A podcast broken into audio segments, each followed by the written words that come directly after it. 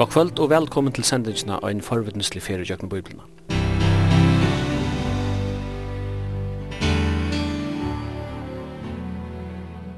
Henda sending er at høyre lintene hvert mykje kvöld klokka 19 og endersendt vi er frugera 17. part klokka 15.30.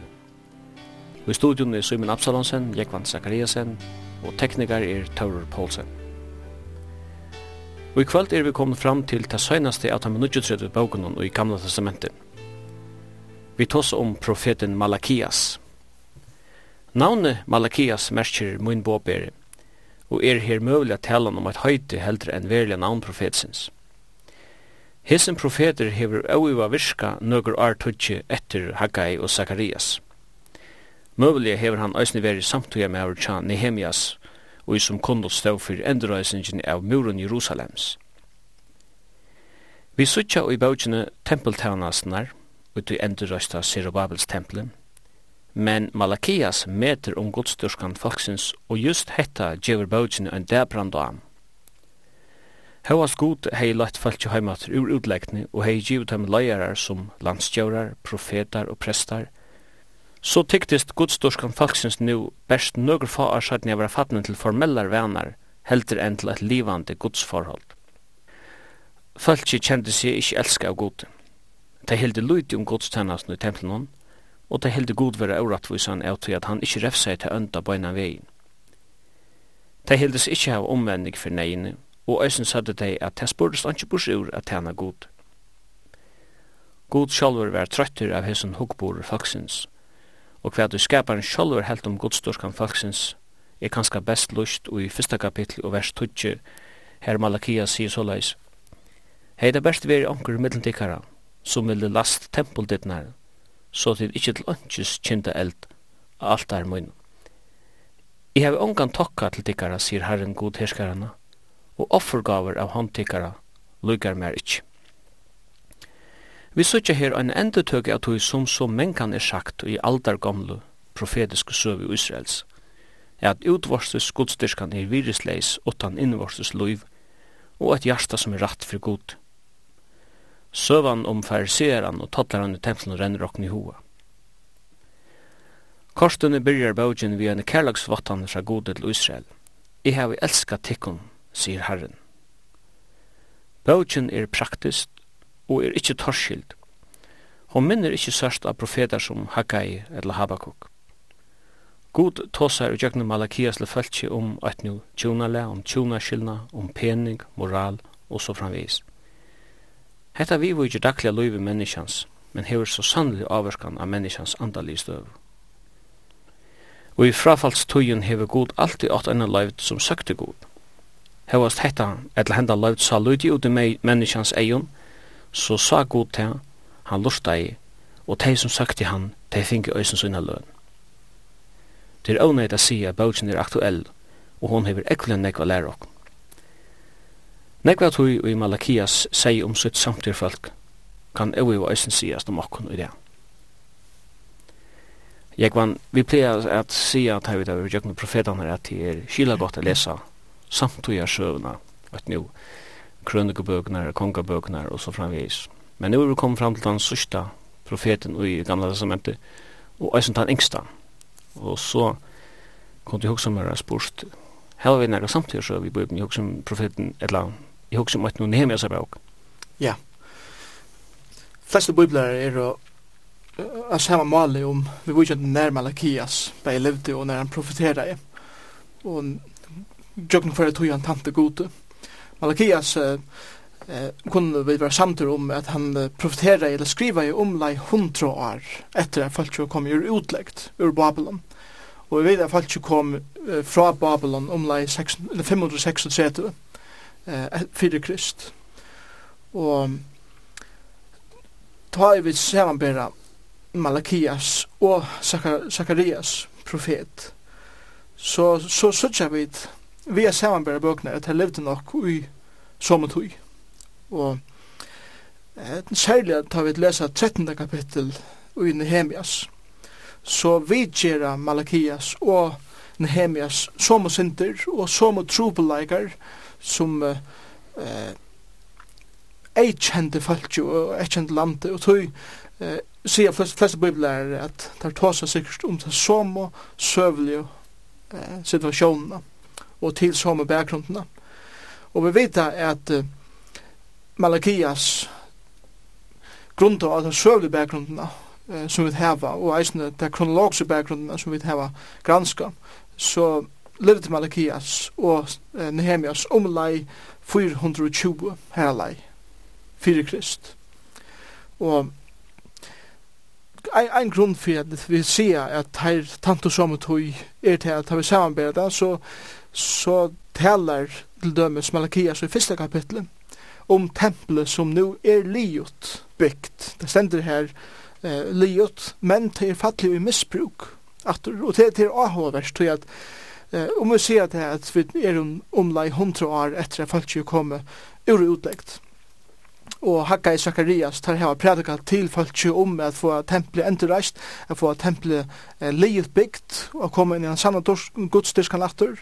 Nu genga hundra år, et til tvei atali, og folk hever nu av nudjo ventsar fra herran natur. Og så her kommer Malakias inn i myndina og talar fra gode til folk som er ventsar bort fra gode, og han, han ber en anminnande båskap til Guds folk, om at venda vi av nudgen. Og troligt, det husker seg at folk var først inne i utleggt. Grunn til at jeg var vent herren og bedje og i 506 furs. Herren og i og jeg fører folk atter til til lova i landet. Templet var endurreist. Murene sanda enn fallner inntil Nehemias kjemur, og tar bytja murene.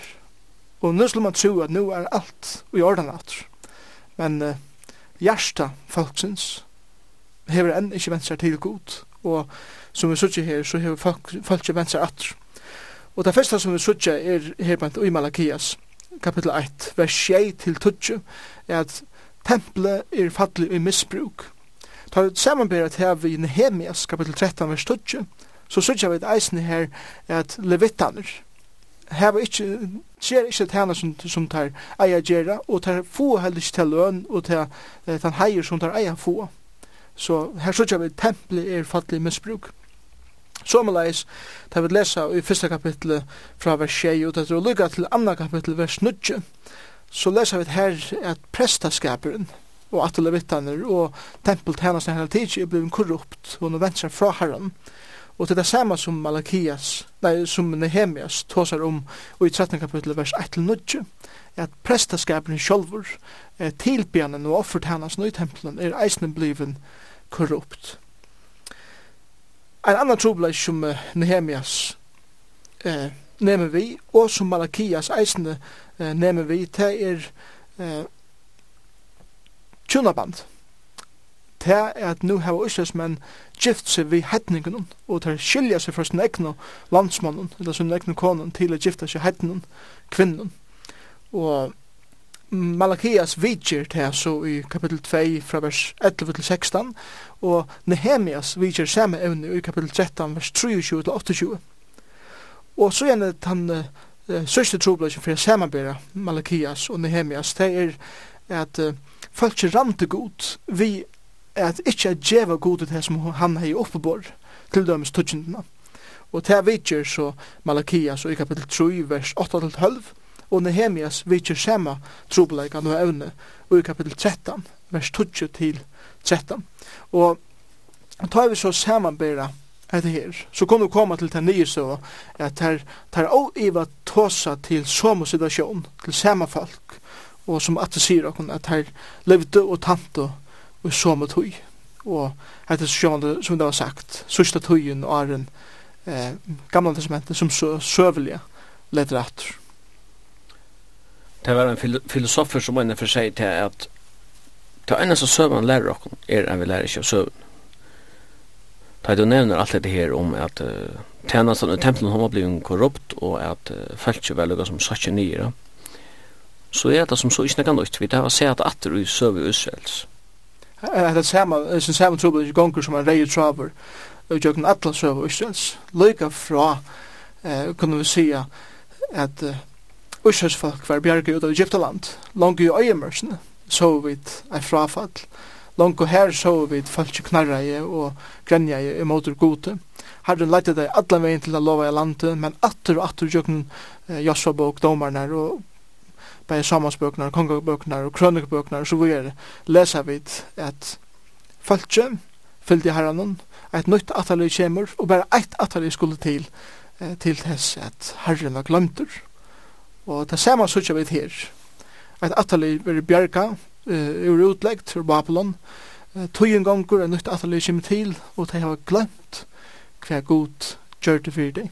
Og at det viser mer og akkurat ødelen til at til lygan nevnt til okkum føringum og i det er glema god bare et atali etter om det atali som ikkje gonger eh, undan opplærer sunne bøtt og i hver herren er hva han har gjørst og hver lyfter han har givet og eisen hver krøv han har sett til þess að fylgja seg etter Vi har vært inne på, uh, vi har vært inne på templen og det ble endurrøst, sier Babel, vi sier det bæg i Hagai, og i Zacharias.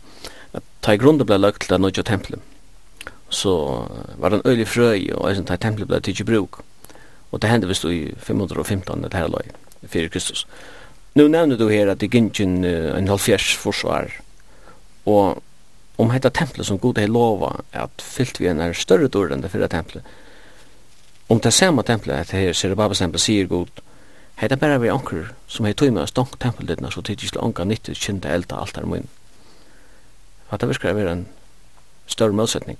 Ja, det gjør det.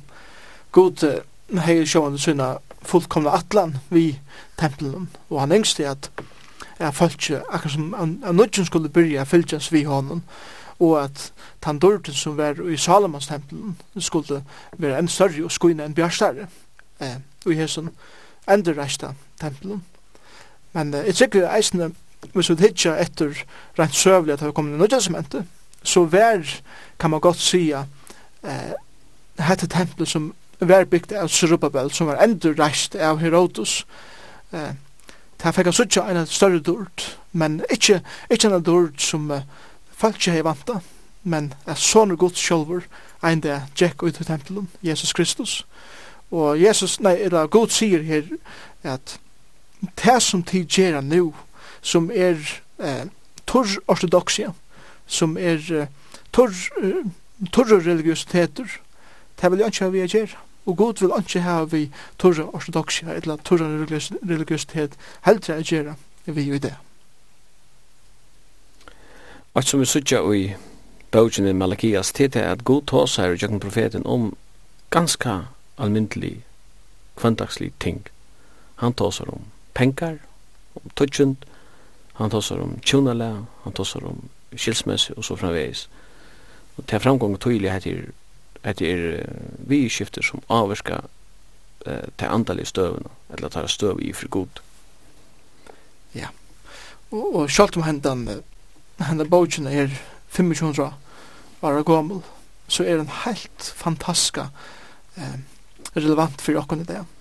Tøy er at som evner som Malakias, talar om. Som trupleikar som folk stå i fyre og i sånne godstyrskan er akkurat det samme som vi standa i fyre det tjuna kylnaver eh, og åtroskaper i tjuna bandi og så videre er en stor trupleikar som okkara samfunnet ser det Peningur hefur alltid veri eit evne som öll samfunnet eh, til alla tøyra av tås om og eisnet her vi er djeva god til det som han eier og, og, og, og krever er ein stor spurning som eisnet samkommer og kyrkjer standa i fyre og i det.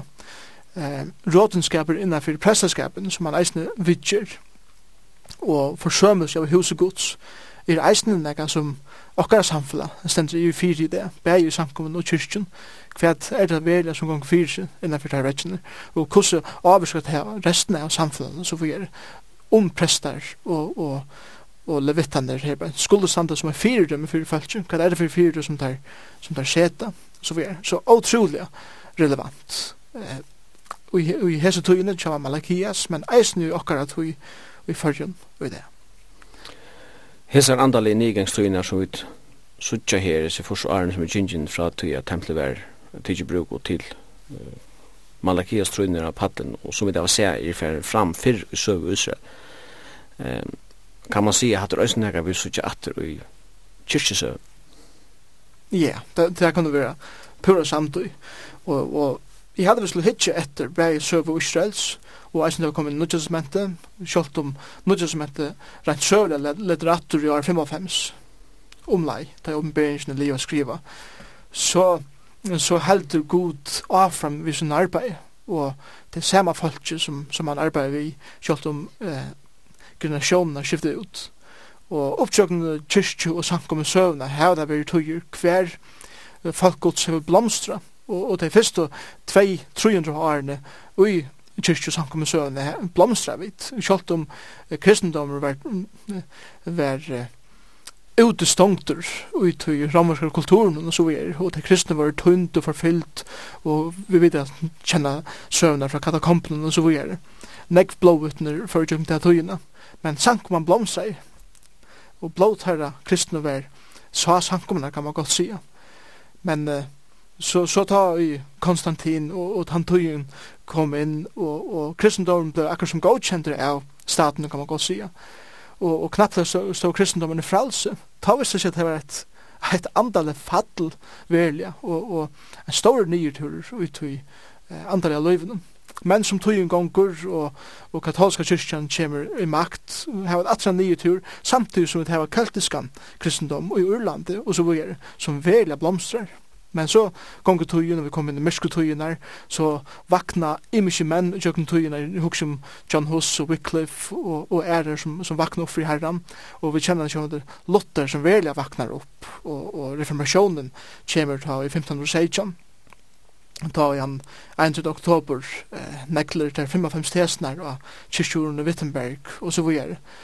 Og atter hava den nye tur eh, åren eh, 16. öld og 18. öld har han veldig misjonstøyen byrjar, og missionere var kjendur ut om allan heim.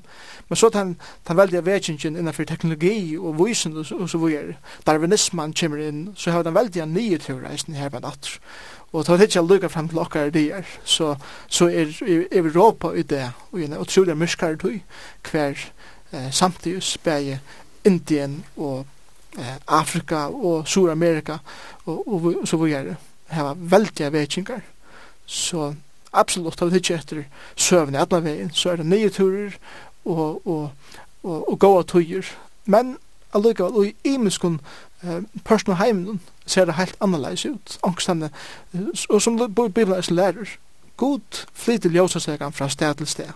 Og tar vi ikke fylgje hon etter vi vender okken fra fyrsta kærlegan til god, så flyter god sin ljósasegan. Og jeg tykker at mengan hatt hever god kanskje flott ljósasegan ur Europa i det og vi sutja hvordan medelige uh, store sikning er æresammer. Så uh, det som vi sutja her i Malakias, det enderteker seg sannlega oppsøkning tøyner. Og jeg trykker vi at eh, om Herren bøyer vi å komme og vi liva vi fyrir ultratrett, så fyrir det sutja det samme mønstre atter og atter.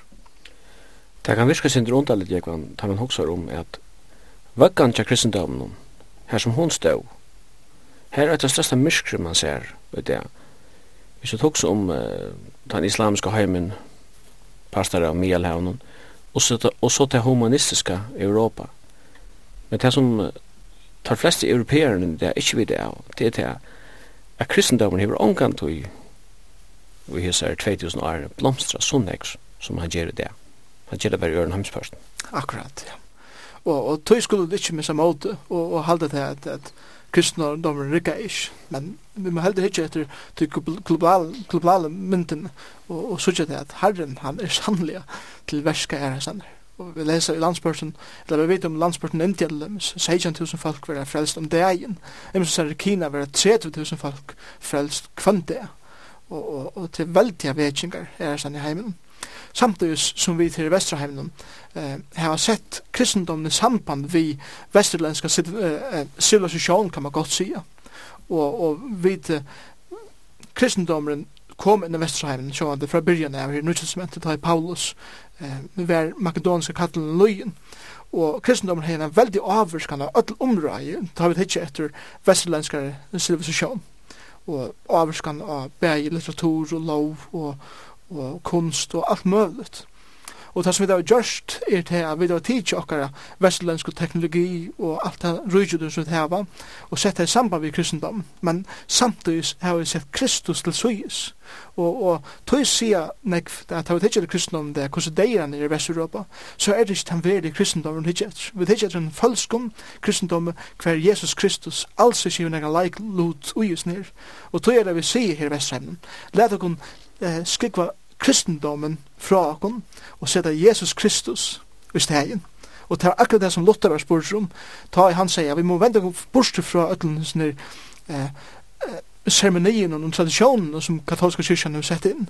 Og han var spurt om hva skulle du sette stegen? Hvis alle tar alt det her bort fra falskene, og sverre som han gav er Jesus Kristus, vi setter han i stegen.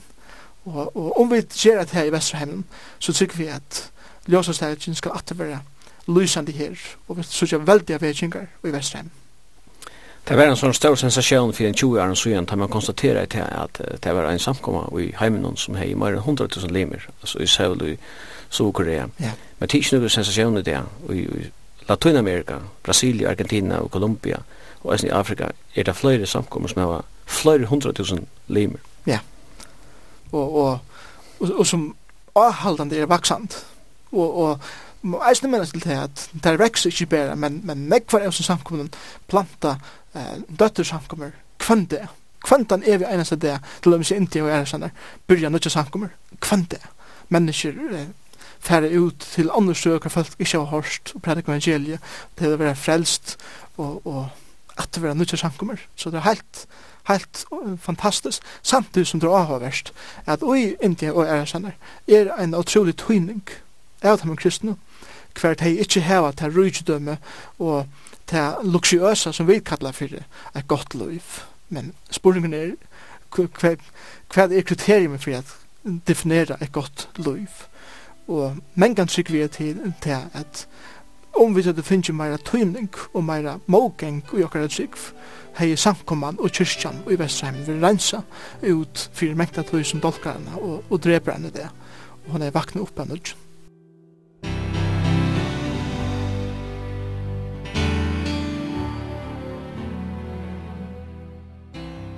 Jekman Malakias i en stått bøk til bare fyra kapitlar. Hvordan ble du bøyde han opp? Ja. Um, Malakias skriver han utrolig avhåver den hatt. Og, og jeg bøyde bøyden opp etter um, til måten som han skriver på. Arne, Arne for å gjøre iverskriftene til hvordan jeg oppbøyde bøyden, så ikke vi så et minster som jeg kjenner eh, Malakias, som, han, som han brukar i kjøkken alle bøydene. Og det er et, et minster i trimen parsten, kan man godt sige. Den første minster, eller den første parsten av minsten, kallar jeg for eh, en søk i motor Israel. Det er at, at profeten talar et år for herren i motor Israels velg. Han, han ber en søk imot dem. Så igjen er det en vergerøver for det andre, eh, fra tog akarta, og tann vergerøven er i formen av en spurning. Og så igjen er det for det tredje, så vil verjan henne verjan attursfæra, og hver hinn akarde anki svær hever jeg djeva. Men la meg djeva døme på eh, etter trufalda minstre. Vi skal tega kapittel 1, og vi tidsi etter vers 6 og 6. Så er det en, en søk for det første. Eh, la meg først lesa uh, fra byrjan av satta verset. Soner heirar færer og tænar herra Så sier han, så sier Gud i Jøk Malakias, er jeg nu feir, hver er ta heier moin? Og er jeg herre, hver er ta øtten fire mer? Sier herren Gud til skærene vi tikkum. Så sier han, tid prestar, som vannvira navnmut. Så det er søkjen, at tid, tid kanskje ha viring for kornøren, men tid var anga viring for gode, som er ferdigtekere, som tid eier at vira og eisne at øttast. Så det er søkjen. Så gjerne sverar presteren, og, og tan ætsøkte, tan akkarte, vi en spurningi, og spurningen sin, og i satta versen, vi kvarjon har vid vannvist navntut. Det er akkur som min akkar sier nu, peikar mer akkur som du kan sia, og, og du kan pregva heta hessa akkarna som du ber imot mer. Og så veri svære give, og, og hendan hessen akkar det veri at svære, verjan veri at vust. Og her lesa vi vi er bera fram årene med og alt er i munnen. Og så vil jeg også fjerne forklare i fylgjande versen og lykke ut i andre kapittel hva det er som det gjør eh, vi at vise herren vannvirring og i tog som prestene eh, gjør. Så, så hette så gjør vi atter og atter. Så den første iverskriften som er gjør Malakias er til alla, den første søkjen er Israel ivast og i kærleika gods for allar fyrsta. Um, vi leser i øren verset, fyrsta vers sier spadomur or herrans til Israels vi Malakias, at han inngengur. Anna vers, er vi elskar til kun sier herren, at han søker mot dem, Sverige og til spyrja vi kvarjen hefur du vust okkur kærleika tøyn så jeg sørja vi tar ivast ui kærleika gods og så for det tria for herrna sverjan matur at alt det her har vi gjørst fyrir og kun jeg vil elska det kun jeg vil lette kun tjøkken ödlus jo årene fra du kattla jo Abraham og Isak og Jakob og ödlus jo arne har vi vust min kærleika til tikkara og nu ivast det min kærleika. Og at han søk som han ber imot dem Det andre, og det var det døme som er gav, er at Israel vannvirer navn Guds, særlig er det prestene. Så at Og, og for jeg binder det sammen med det første søkene, så tar jeg med seg kærleikan, og jeg for ivast ui kærleikan til eh, god, og den kærleikan som god gjever, ta sjåan det for alt anna eisene. Så Ursel vannvir navn kongsens og i tilbyan, særlig er det prestane som er her som vera akarder, som vi låser i Johanne. Og ein, ein av de akkerne som der få her, er til at de teka de vanlige til god, at eh, offra i tempelen. God vil ha det aller beste, de fruske, og de lampene som var aller best fyre, men de tog det sjuke, og de vanlige, vanlige lampene til god, og heldte så det beste for seg sjolv. Og så ser så, så han det andre søkjen, det er lykkesella, og det er blivet ritualistisk, det er blivet tradisjonelt, og det er blivet holdhjärsta, tænasen for gode. Det tredje er i øren kapitlet, vers 12-16, og det er til at Israel vannvirer lovgods, vannvirer lovgods, og god vender seg her så fra, fra, fra presten til følgen, ta i prestene, ta i religiøse leierne, som vi tar som Johan, som eier standard som fire dømme fire følse, og tar venda seg fra god, sjåan det gjør falsk eisne det samme. Og falsk hever vannvist lovgods, særlig at det kommer til tjonaband. Og til det som han tåsar om og i tutsjenda til 16. ørende. Og han, han sier her bant at uh, god hever skapt okkon, men tid er troleiser kvar vi annan. Juta og etla vers hever bor seg troleist et, og i Israel og Jerusalem har gjørst det som vi er styrslet her, to jude hever, er vannhalka, hever vannhalka halvdjudam herrans, som han elskar, og hever gift seg vid døttrun fremmanda gota, så, så det har vent seg bortsett fra sin egne konen, og er åtrykver, og han finnes seg ærer godar og ærer kvinner. Og hette beinleis mot lovene, 5. Mosebok 6, 1-5, og 2. Mosebok 4, 16 talar om at ikkje heva kvinner fra øren London. For det andre, så sier Gud at jeg skal døma slukan avdur i 12. og 13. ørende. Og vi leser eisne at Gud heter tjunar skyldna tog at det bryter fullkomna atlan Guds, leser vi så i 16. ørende. Og så er det den, den fjore eh, søkjen imot Israel, og det er at Israel venter rattvise Guds bætje. Og det har vi fra 16. ørende i ørende kapitlet til satta vers i 3. kapitlet. Og falske sintar, og de halde at heften for nu er sleppa undan sintene, tog jeg god til ikke enn straffa de fire sintene.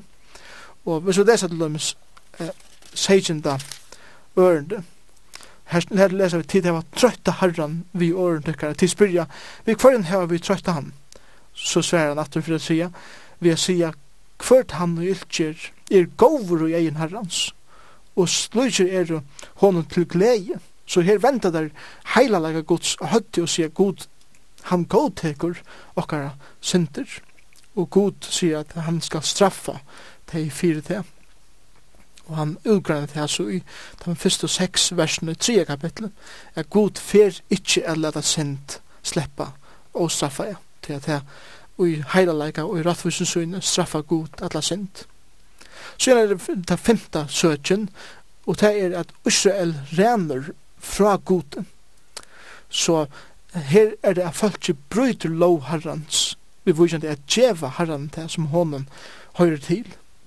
Nå, de var gyri, de var sjålsøkjen, og de ville ikke djeva av hjärsta, sjålt om god de givet heimen, så av medlemmen ekv og, og, og bådskapen er at at de må djeva god til det som hon hører til. God har kraft tutsjentene, men de hilde tutsjentene fyrir seg sjolv.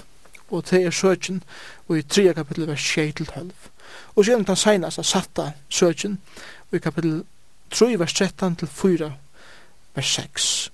Og det er at Israel vannvir tænastna fire gode, Aller fyrsta, 15 dørende i 3 kapitel til Hukmaui, det var ikke hjärsta fyrir gode, og så er i 16. til 18. vers i 3 kapitel, her leser vi om um, henda luttla skæra som tog er og halka i til god. Alt det er den lydel skære som fylgjer herran etter av sånnen hjärsta, de som elskar herran, og herren skal signa de ryglige. Men herren skal eisne døma og rævlig domur bojar dem følsko og i fyrsta til tre ørend. Og så igjen her vi fra fjora til satte ørende en lykka som en enda, en, en, en avmenning og en snett lyfte enda er vi. Så så såleis bøyde jeg Malakias profet opp og i, i seks høvesparster. Seks høtjer vi mot Israel. Som er det som spurning og så falt ikke hei i for gode. Tar tidsast har vært et eller annet og i okkar egen kundar tid er relevanter. Til dømes uh, spyrja deg, eller at de akkar god, at han ikke, hva skal man si, avrakne kontant, er for sint, og uh, hver er han god som dømer i sista vers i øren kapitlet. Det vil de ha han uh, at uh, refsa syndena her og nu, det skal skje beina veien, og han ikke gjør det til, så oppfatter det som er god akseptera i det. Ja, og, og til her, til her som vi må skilja hvor god er. Er god, han bor utanfor tøyar avmarsking. Så om, om god straffar sind atna, ja, atna, ei minutt som hendte, eh, til dømes tja Ananias og Safire i Apostelsøvne 5. Her straffar i god syndena vita sama Men om god bojar i 1 år, 2 år, 20 år, 200 år, 2000 år, så hevur tað ikki séð fyrir gott til hann utan fyrir tøyar er marching men tað sum við må læra um gott er tað gott fer at straffa sent og freistingen sjá menneskjun og sum ussels fall og í vert her okay vi er just han er sint, vi visste det var sint, men god til ikke straffa det bare ved, så vi gjør ørne og rundt god, han god til okkar er sint, og han fer ikke at jeg straffa okkar er sint, og, og, og til seg det selv spurnar til vi eh, om god er, tog jeg, det er den største setningen her i 16. ørende, kapitel 2, hver er tan god som dømer, som om at, man nu knappt er ikke god kanskje hele tidsen, og de ser det spørsmålstegn vi om når god er, så lengt er det folk som viser fra gode Og men samtidig tykker jeg at jeg bruker det som en omkyldning for å kunne synda enn mer. Men så er det kvar denne tredje kapittel, og god sier her, jeg sender på mot, han kan senda gjøre vegin til reier fyrir Ashamun etter profetisk tale her bænt at ein dag fyrir god a koma og i vreiesunni og i rattvisunni og han fyrir gjøre enda og ödlun som er det sint eisen sinter som var gjør der i ta tog nu til framtid og det som ikke finnes sintsina vi er gjør det og fyrir gjørna fyrir Ashamun gods skulle ein dag straffa Ja, tu er denne på tre kapittel og her er profetier hvis jeg skiljer uh, vers 8 rett i 3 kapittel, så husker jeg her talen om en spadam om Johannes Døyberen som skal komme, og vers 2 og 3 og 4 og 5, altså kommer bort 18, at det ser ut til å være messiansk profetier. Så her er det om två personer som skulle komme. Ja, det er jo her har vi en profeti som er profetera om lei 400 år åren det hendte. Og og sjående for jeg tar som profeti at det så er profeti en egen som er givet av gode. God eh, veit alt som fyrir henda i framtiden.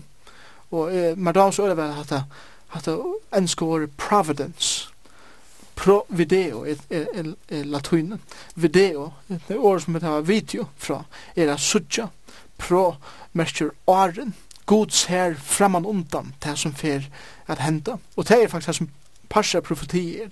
God ser det som fer at henda framan undan, og han gjemmer Malakia seg 400 år framan undan, båskapen om hva fer at henda 400 år settene. Og det er vi så lesa Markus 1 til dømes, eh, hese første versen her leser vi opphev evangeliums Jesus Krist, sonar gods. Markus byrjar her ved å sige Jesus Kristus er sonar gods. Og så brukar han resten av evangelien argumentera for at Kristus er sonar gods.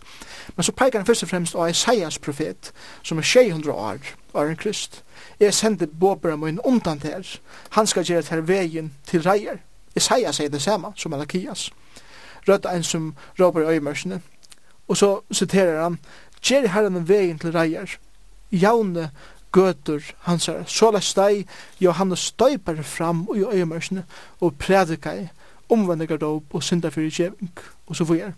Og, og her citerer han eisne Malakias profet og, og så ber Isaias og Malakias fyrir her endurkjivner av Marskos fyrir vise til at Johannes støypar vil profetera over at han er undangonger med over fyrir at sonur Guds Messias sjálfur som var søvlig Jesus Kristus skulle komme.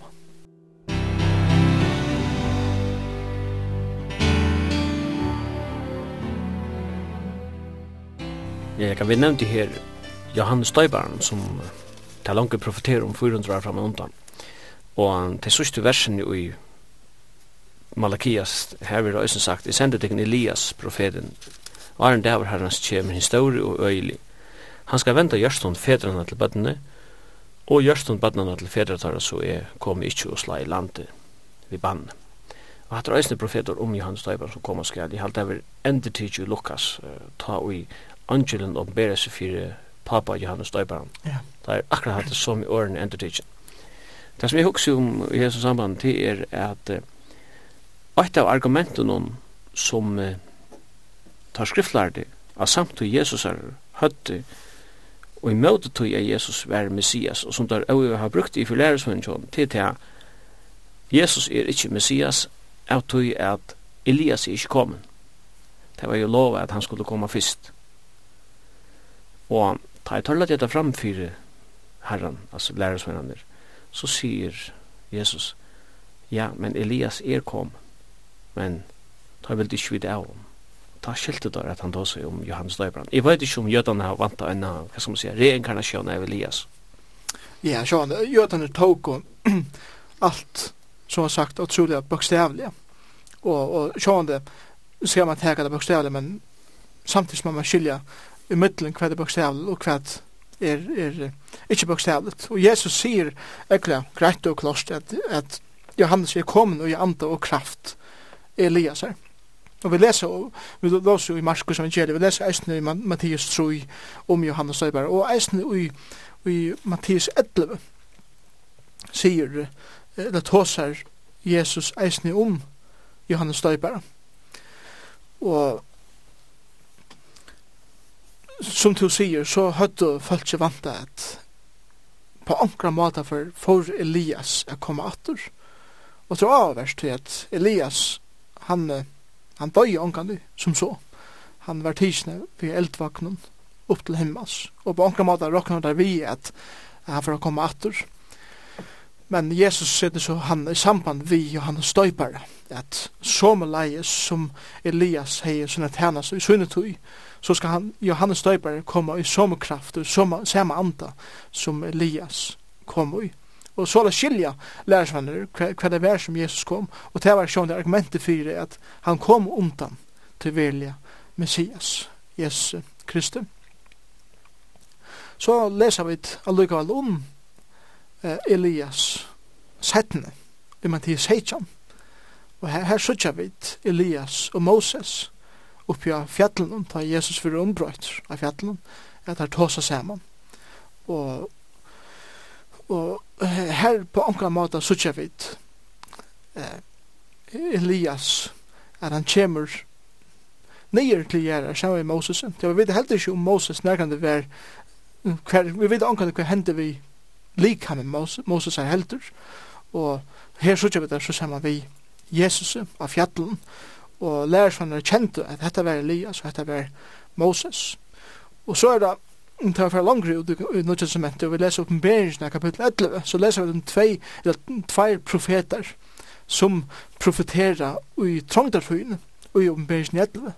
Og tar med samanbæra de omtrunne og ta tjena som Hesebai profeterne hadde, og i oppenberingen 11, så er det utrolig lukt til tjenesten og, og tog båskap som Elias og Moses er sånn i synar samtid.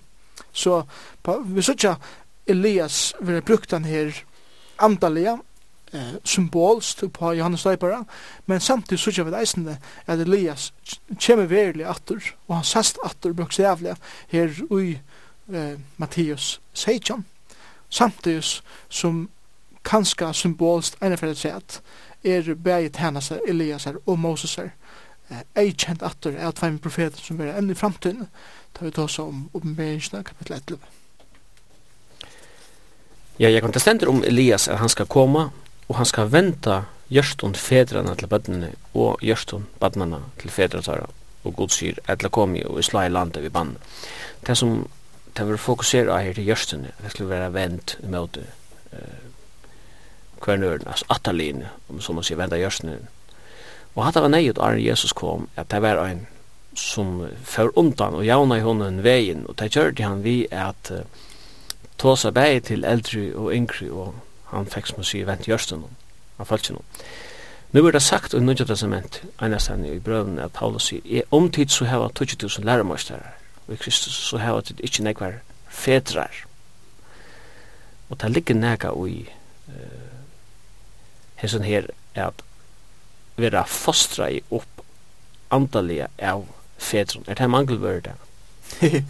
Ja, det kan jeg si at jeg vel og vil et, et ja til.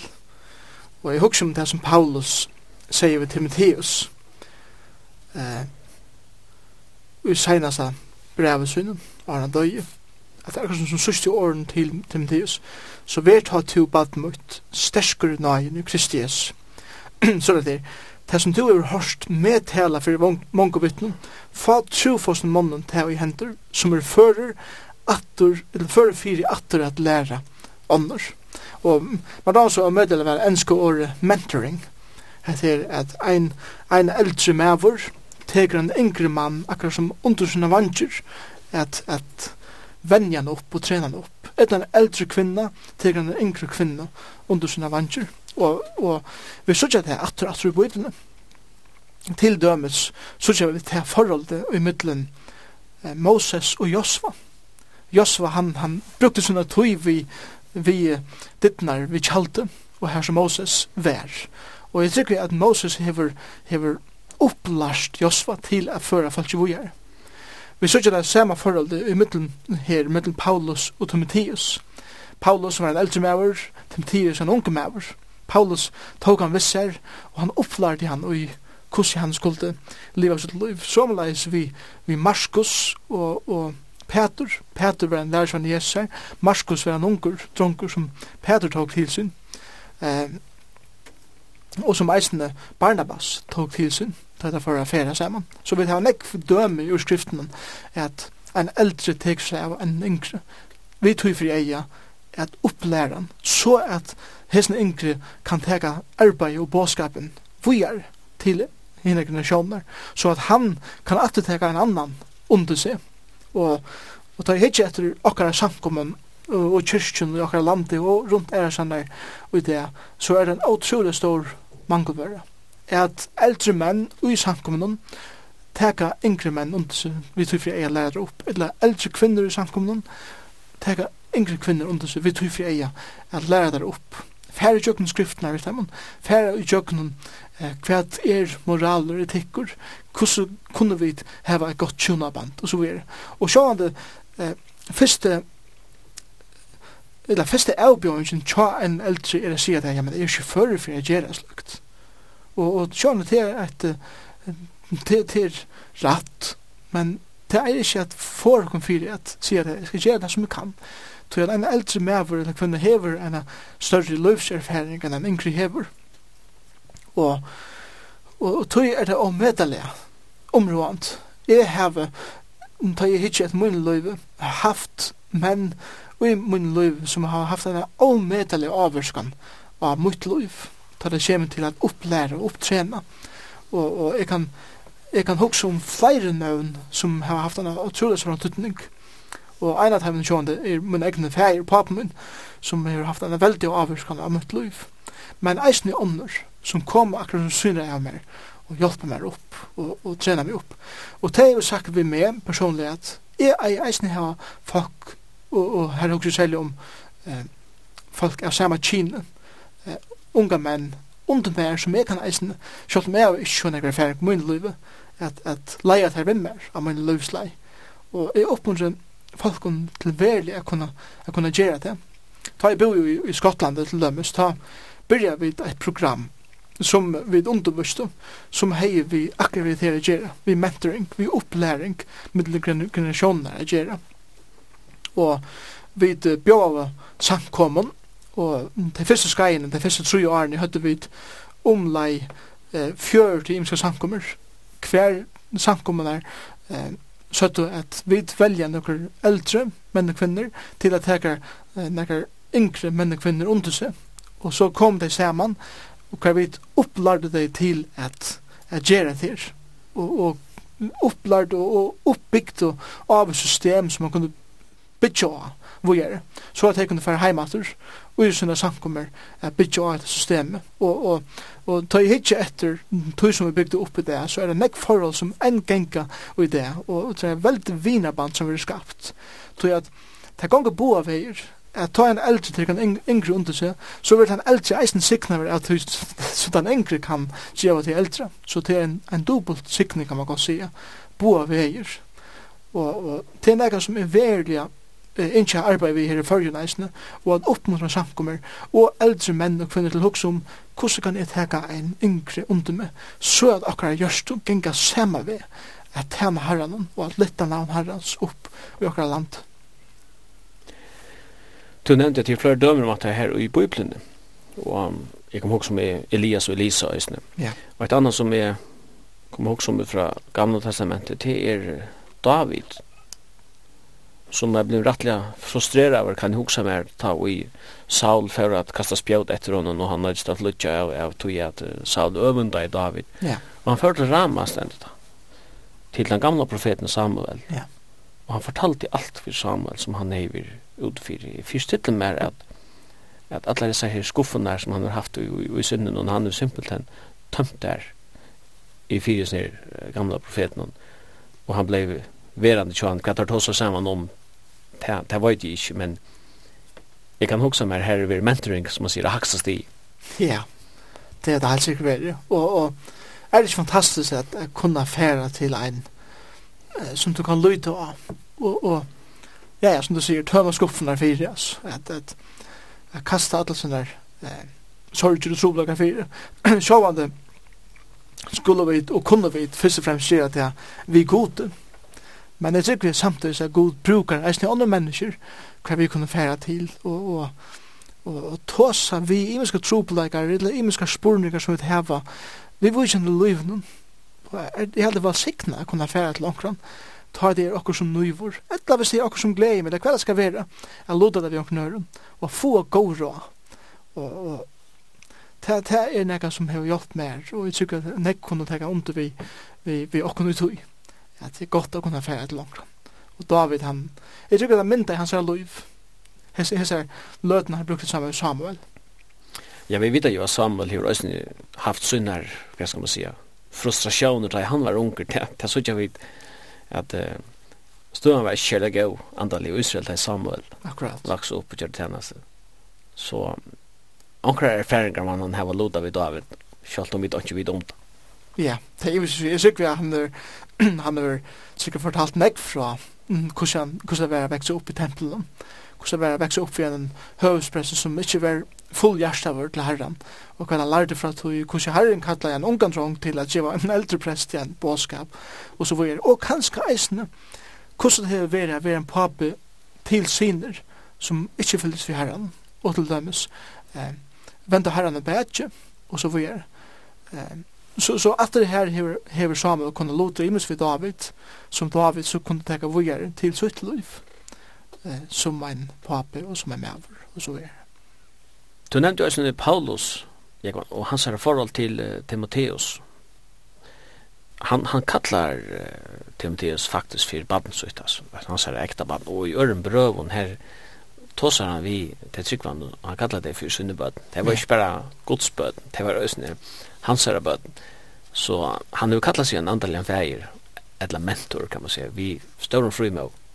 Ja, det har han grunden for at Paulus kallar han Timotheus ut baden, og han kallar andre eisen sunne bøten, er til at han leidde det sikkert til Herren Jesus. Til trygg, ja. Til trygg. Og, og så er det baden ut sunne. Men jeg tykker at, at det er meir uttøy enn det. Og jeg tykker han ser Timotheus som en, en mann og en unga mann som han er oppfostra. Han er mynda hans her hukkbor, han er mynda hans her huksenarhått. Og og han mynda han inn i tænastan som han nu skal föra vujer. Og, og, og jeg hadde at, at æresanna kallar han Titus, akkur som sin, sin, sin sigerskrans, som han kan bæra fram. Hette, hette det som Herren hever, hever givet mer. Og ta vi, ta vi så Paulus eh, skal senda Timotheus eh, til til dømes Filippi, samkunna i Filippi, så gjør hon, han honom et, et helt fantastisk godt små. Da han sender han til der, og så videre. Og, og til, til akkurat som han, han, er, han er stolt av, av nøkron. Jeg husker eisen om Epaphroditus, som eisen var en, en lærer som Kja Paulus. Og, og han sier her bant i, uh, i Filippe Braunen, fjorda uh, kapitlet, at uh, nu har vi no mykje av ötlun og har vi iverflå men søyder ikkje nu vi har uh, eller nu er vi epafroditis jeg har finnst jo gav tikkara indislega enka, offer og så videre og, og, og i øren Timotheus brevet tåsana eisen om hvordan medelig stora sikning tar har vært fyrir se ut hennasne så Paulus Vi så hitje etter, eller vi kunne hitje etter, lømsett. Vi kunne se at han sjåan det var Paulus her oppe, og Timotheus og Epaphroditus og ærer var kanskje ikke så høyt oppe. Men så er det sett Paulus ikke på at han ser her som en utrolig sånn sikning og i sønne liv. Og, og det hadde er området at, at lære at det er ikke endelig til at en er hakre og henne lakre, men at vi standa saman og i tjenestene fyrir herren. Sjån det er en, en kanskje mer vitan og mer erfaring, men allikevel er det nekka som kjever så av mødela nek boa veier. Og, og det må du ikke minna, ikke gløyma at, at jeg ser det pryset på eisen. Og jeg tykker at vi alle kunne lære så av mødela nek av den yngre, som eisen er yngre, jeg vet det, den oppmuntrer ikke til uten som de heva. er en veldig oppmuntring, og ikke han fyrir meg at halda av i, i tjenestene. Hukk eisen om vinskapen mellom, mellom David og Jonathan, samtidig som David får til Samuel ved sin frustrasjonen i Saul, så kunne han eisen lutet til ved Jonathan, sin, eh, sin vin, sin jaun altra, og så videre. At her kunne luta sin vinskap, sin, sin middelen, og, og diska sin trygg, og, og oppmuntra hver annan øysen trygg saman med herren. Så, så det gongur alle mulige veier, men det som er grunnleggjant er det her vi er nærkant at luta minar eh, trobeleikar, luta mine glede, og luta mine spurningar, og så vi gjør vi. Og til her, det er så området vi finner omkran, at, at kunne luta akkurat liv saman vi. Det vil si at en antall i feir eller mauer, eller mentor som det er snur kallar, vi tåsa ta om eh, en som kan luta livsrøyndir til dømes, men vi tåsa oss ikkje om en, en guru eller en som er herri i trunni kjønner. Nei, slett ikke det jeg held til, ta, ta blod det helt nekka anna, tog jeg at uh, Bibelen lærer regler greit at det er bare ein som vil ha egin vend etter og fylgja velja, men vi da er akta velja okkar, men det er avver som Hebreabra sier, og hitje etter hvordan det enda og løyvsutt. Og om okkara eh, det her som vi fylgja etter, ikkje heva eit ratt løyv, så er det ikkje fylgja etter, egen tjokna er ikke være vendt etter menneskjen, og, og at fylkja teimen som så, men det er fyrdom som de fylkja eh, i Kristus, det er fyrdum som vi deia er fylkja. Hvis vi skulle takka saman om disse bøkene av Malakias, så man må si at hon i mange før tidsstøver ekla døper. Men det er alt som vi sier i bøkene til det er, at det her er at uh, god løner teimen som søker han Sjalt om tessa utlever lute verst og menneskjan seg. Her leser vi om en live til om tre kapitlet at de taler oss sammen, de som etter oss herre. Og det stender at herren lurt deg og hørte det. Men jeg har også meg til, til slett ikke visste at jeg visste at herren lurt deg. Nei, jeg er sikker vi at at jeg var ganske veldig kjøpt frustreret i ute i samfunnet som de levde i, jeg tror at jeg er en så lille minnelutet dæst av heldar myndene i samfunnet. De fleste av venstre fra herren, her er en lille hoper av mennesker som taler saman, at her er de kommet saman og luta sine trobeleikar, kanskje sine glede, sine spurningar, og så er det herren lust etter og hør til det. For i æsjen hans er vært å skriva nyer, skriva i minnesbok om det, som øttes herren og hukse om navn hans herren. Og Og ein eller annan hatt hava dei kjent ein fri, korsen eller gal. Sjalt om dei var frustrerade, så hever herren vært vitt dem. Og tante er ut univers mot sier herren, god til skærene. Skulle dei vera ognmoin, jeg skal, og jeg skal spæra dei, en som mever spærer sånn sin, og i tæner hånden, ta skulle tid at du sutja mun av hinnan rattvisa og hinnan godleisa, og at du som tæner gode og at du som ikkje tæner honom. Og akkurat hos det har vi sett utsøvelige, videre til akkurat. Men jeg tykker vi at ein dag vil komme i livet hos mennesken, hver de har kjent at Herren har vært ved mer, atla veien, vi tjøkken mot liv.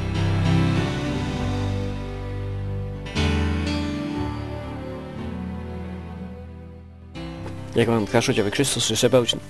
Ja, det er en område, en spurning som vi eisen kunne svære sjående i Malakias er bok. Nå kommer vi til sørste bøkene og i gamle sementen.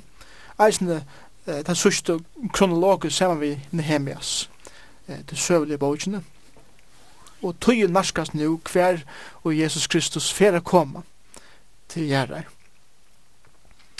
For det første så vi, som vi tar om og Johanne, at Johannes Støybar, han, han skal være han som ger veien til reier, fyra Kristus skal komme. Og i 3 kapitel vers 1 sier Gud, jeg sender bom mot, og han skal gjøre veien til reier fyra asjon mine. Så her så vi eh, en profeti om fyrre kom og Jesus er fyrir asja møyne, Jesus Kristus er sjående god sjolver, god er, eh, eller hever letet seg ui holdt og blod, han kom eh, ui Jesus til gjerrer. Og så her sørger vi fyrir kom Jesus her, da han kom ei mjukur, eh, vi tog fri ei a frelse, men, a frelse menneskene, a bjerge henne fra sinne sint, og at eh, genga ut ensamhatler og Golgata kross, spreie ut sina armar av krossen og leta blåse flota fyrir menneskene. Til det som han tåsar om her i, i fyrsta versen her bant Men så leser vi et. Og brottliga skal han komme i tempels ut, Herren, som til søtja, sattmala angelen, som til stunda etter. Ja, han kjemur, sier god, eller sier Herren god, her skærana. En av avhåverter titel som ofta var brukt i gamla testamentet er angel, eller angel herrans, som eh, og i gamla testamentet var trygg er en manifestasjon av Jesus Kristus sjolven. Ta i Josva til dømes, kvalde fire at, at han fyrir at marsjerer under om Jericho, stendur knapple angel herrans fyrir hon her, han kastar seg nere tilbya hendan angelen, og han sier at er, er, er herføren og, og her herrans. Her talar han atrom en angel, Og jeg tykker at her taler han om, om angelen, angel herrans, Jesus Kristus, sjálvan, og, og som vi stund etter. Ja, han kjemur, sier Herren, god til skæren. Her sender han vi ståren, det er god sjálfur. Og så er det ikke til at, at Jesus er en skaptur angel, settes til bare en titel som er brukt om den evige god, god som ongan byrjan hever, ongan ente hever. eh, Anna limer er tru entene. Men så leser vi, og vi hoppar nu lenga lei, og i ørum vers her i 3. kapitlet. Men hver tåle degen, ta og han kjemur. At nu sakra man man er a koma her, og hver ver standande ta og han åpenberast. Eh, tog han er som smeltar eldur, og så får jeg. Nu, nu løyper han fram til er å komme herrans. Fyrsta verset her, fyrre komme herrans, og i øren verset her vil ære komme herrans, at han skal komme som veldig domar. Hvor tålet han dagen ta han kommer? Hvor vil standande ta han åpenberast? Og Sverige er angen utan teg som kunne standa rattvois i vi fire og asjon hans herra. Så hetta tekur við alla vegin til Openbaringina kapitel 19, ta i Kristus kemur rujande som sigurs Herren her at kvita hesten.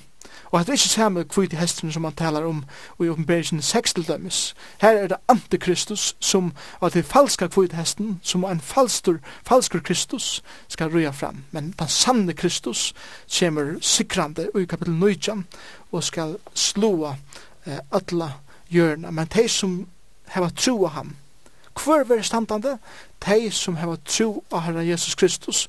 De som er leten ui rattvise Guds. Og jeg har som lykka lyse her i Johannes, eller ja, Johannes oppenbering, kapitel 19, vers 6, leser vi, Læt jag kun gleas og fekna, så skjeva hon och dörrna till britta blamsen som kom og provar hans här till det som har tro här Jesus Kristus, har gjort sig til, Og så leser vi, henne er givi a leta seg i funt lynkleie, rein og skuinant.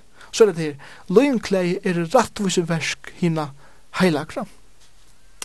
Og så sier han, sel er det hei som eh, bojen er til Brytlops nostra landsens, fyrsten dørende, ta hette ta Jesus kjemur rui under kvite hesten, sikrande, Så leser vi det første nøyre, her er himmelsens fyllte hånden og kviten hesten, og i fynen lynklaven, kviten og regnen. Hvor er det her? Det er sankomman som skal komme vi Herren Jesus Kristus, sikrande til gjerder, og hver Herren skal grunta sitt rujtje her gjør. Så i Malakias har vi bæg fyrre komme Kristus her, og er å komme Kristus her, da han skal komme vi sankomman sinne, ta er med rattvise som vil vera standande framfor Ashan Hansar er är grundat röjt ut jeg gjør. Ja, og her kunne jeg også ha lagt å si at det kan være onkur lustar som føler seg frustrera igjen og som kjenner det som folk ikke kjenner det uh, til Malakia seg eller spørsmålet er ikke borsi ur at han er god og så framveis men lyftene om Messias vil komme det er i øyne til åkken til alle høytningene og jeg vil gjerne si til alle som høyre åkken i kveld er at uh, til lyfte i til tøyn, til alla føringar æsni, Kristus er given okkon til frelse, og hvert han som kallar av navn herrans, han skal være frelster. Ja, og at det er en underfull år, og, og et underfull lyft til å kunne djeva okkara, okkara landsmån, og ein kvarjen som er født i denne heim, som du sier, at hvert han som kallar av navn Jesus skal være frelster, og, og lukka mykje hver du erste kvöld, lukka mykje om du sitter heima vid hus, eller om du sitter i en bil, eller om bora skip eller hver du så erst. Det ene som du skal gjøre er kalla navn herrans Og til de som tjener herran som langt høyre hånd til, det kan være frustrerende i en samfunn som okkara, hver vi kanskje suttja litt an avvøkst, og det kan være frustrerende, hver er herren og i øtlensen her, som vi suttja om okkon, Sverige, han er just her og han skal ein del lønne øtlentegnen som eh, tæn honom og tann som kan være så omøtelig imisk. her er jo givet okken gaver at tæna seg vi. Og Jesus Kristus sier sjolver at ein og kvarn som bare giver ein et glas av vatten jeg drekk, hon skal det være hundrafalt lønt atter. Og, og jeg husker eisne om, om årene og i, i fyrra korintbrevet, hver Paulus oppmuntrar eh, korintmenn og i sønne tjeneste fyrir herran. Her sier han, vittar, Jeg verre tog faster elskar og brøve munner, og vidtjelir alt det rujtjer i verskje herrans, og i tjenas herrans. Kvoi tog du vita at arbeid tikkara er ikkje til anges og i herran.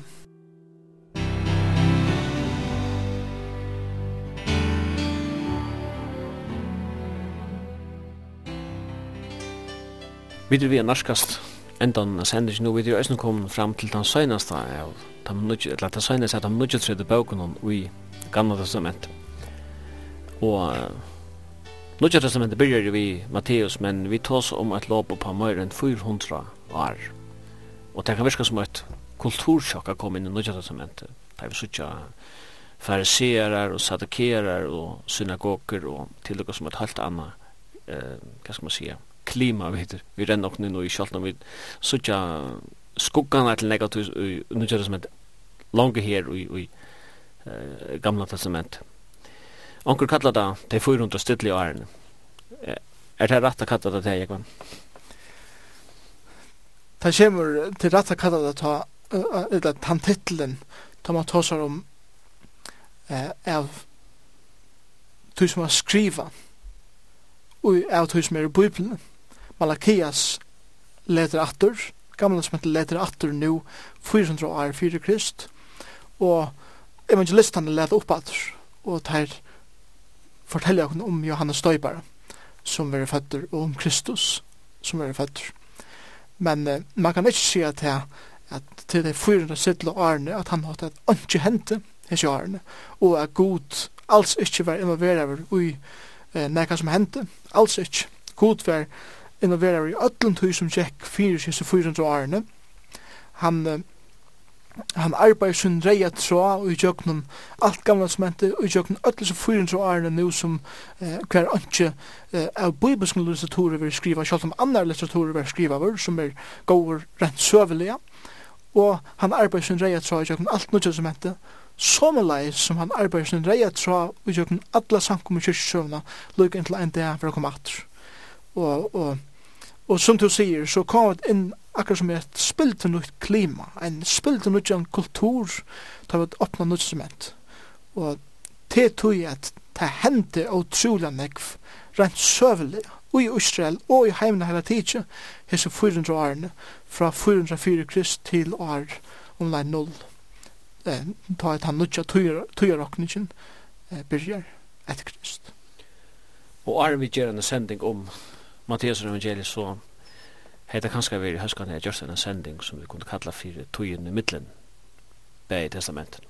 Ja, jeg sykker at, at, at det går vi at gjøre en, en heila sending på hans 400 år nyrt at så for hetta imiska ikkje virka så fremmant fyrir okkum, ta vi tåsa knapple nu om fariserar og sadikerar og skriftlærder, og knapple hava vi det som heter Herodos, knapple hava vi det som heter Pilatus og Augustus keisara vi hava romerska rujtje, og alt møvle spilte nytt fyrir okkum, hver kjemur det alt fra, og Sverige det kom i hos 400 åren, og tog er det området jeg vet, Let's her Berglandet fyrir skilja nødvendigvis enn betur.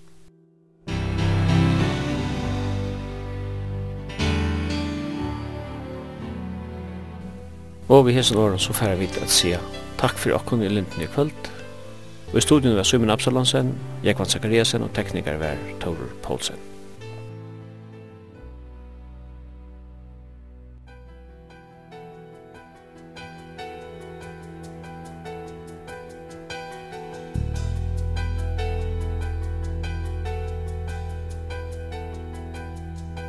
When he rose up the sleeves, he ain't just putting on the real